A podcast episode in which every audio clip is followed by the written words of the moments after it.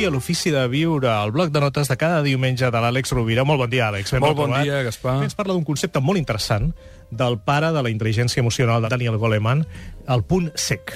El punt sec és un llibre, um, efectivament, de Daniel Goleman, publicat per De Bolsillo, almenys si, si més no és on, on el vaig comprar, i és un llibre, és un llibre a la lectura del qual recomano amb vehemència. No és tan breu com els altres que venim suggerint les darreres tres setmanes, però és un llibre que ens fa pensar força sobre precisament allò que no veiem de la realitat ni de nosaltres mateixos.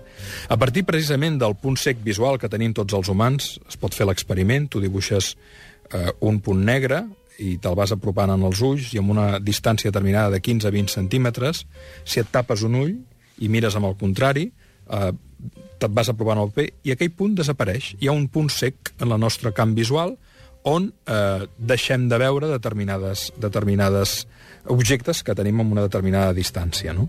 Ell fa l'analogia d'aquesta qüestió física que té a veure amb el, el nostre procés de percepció visual de la realitat i ho trasllada a la psicologia.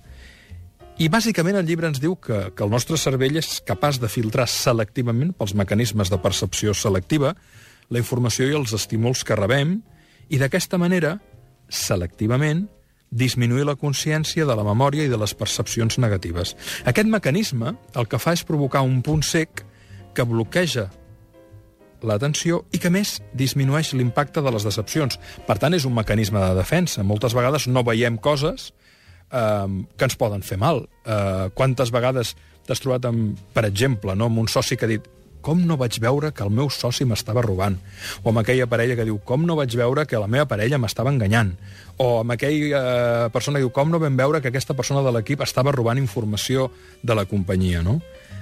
perquè tot i que l'autoengany en la majoria de les ocasions és beneficiós per l'estabilitat psíquica i emocional, és a dir, com dèiem, és un mecanisme de defensa, perquè precisament la seva funció és preservar la salut, de vegades pot ser molt perillós i molt superficial, tant a nivell individual com a nivell social, si no som capaços de veure qüestions que fins i tot ens poden, ens poden fer mal. No?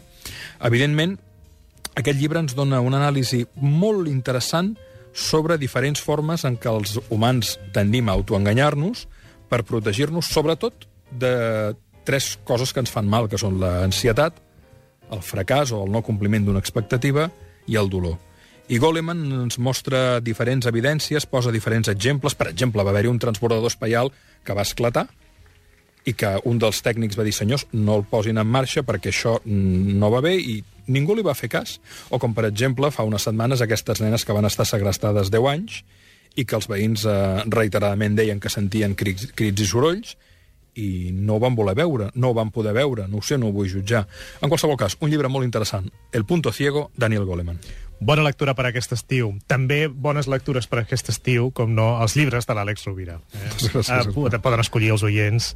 Eh, en poden escollir des dels més breus eh, aforístics, per exemple, com Paraules que curen, fins a les novel·les, fins a als assajos, eh, fins a les lectures, ara mateix en el seu blog a alexrovira.com. Àlex, doncs fins diumenge vinent. Moltes Molt gràcies, Bona setmana. Gaspar. Una abraçada. abraçada.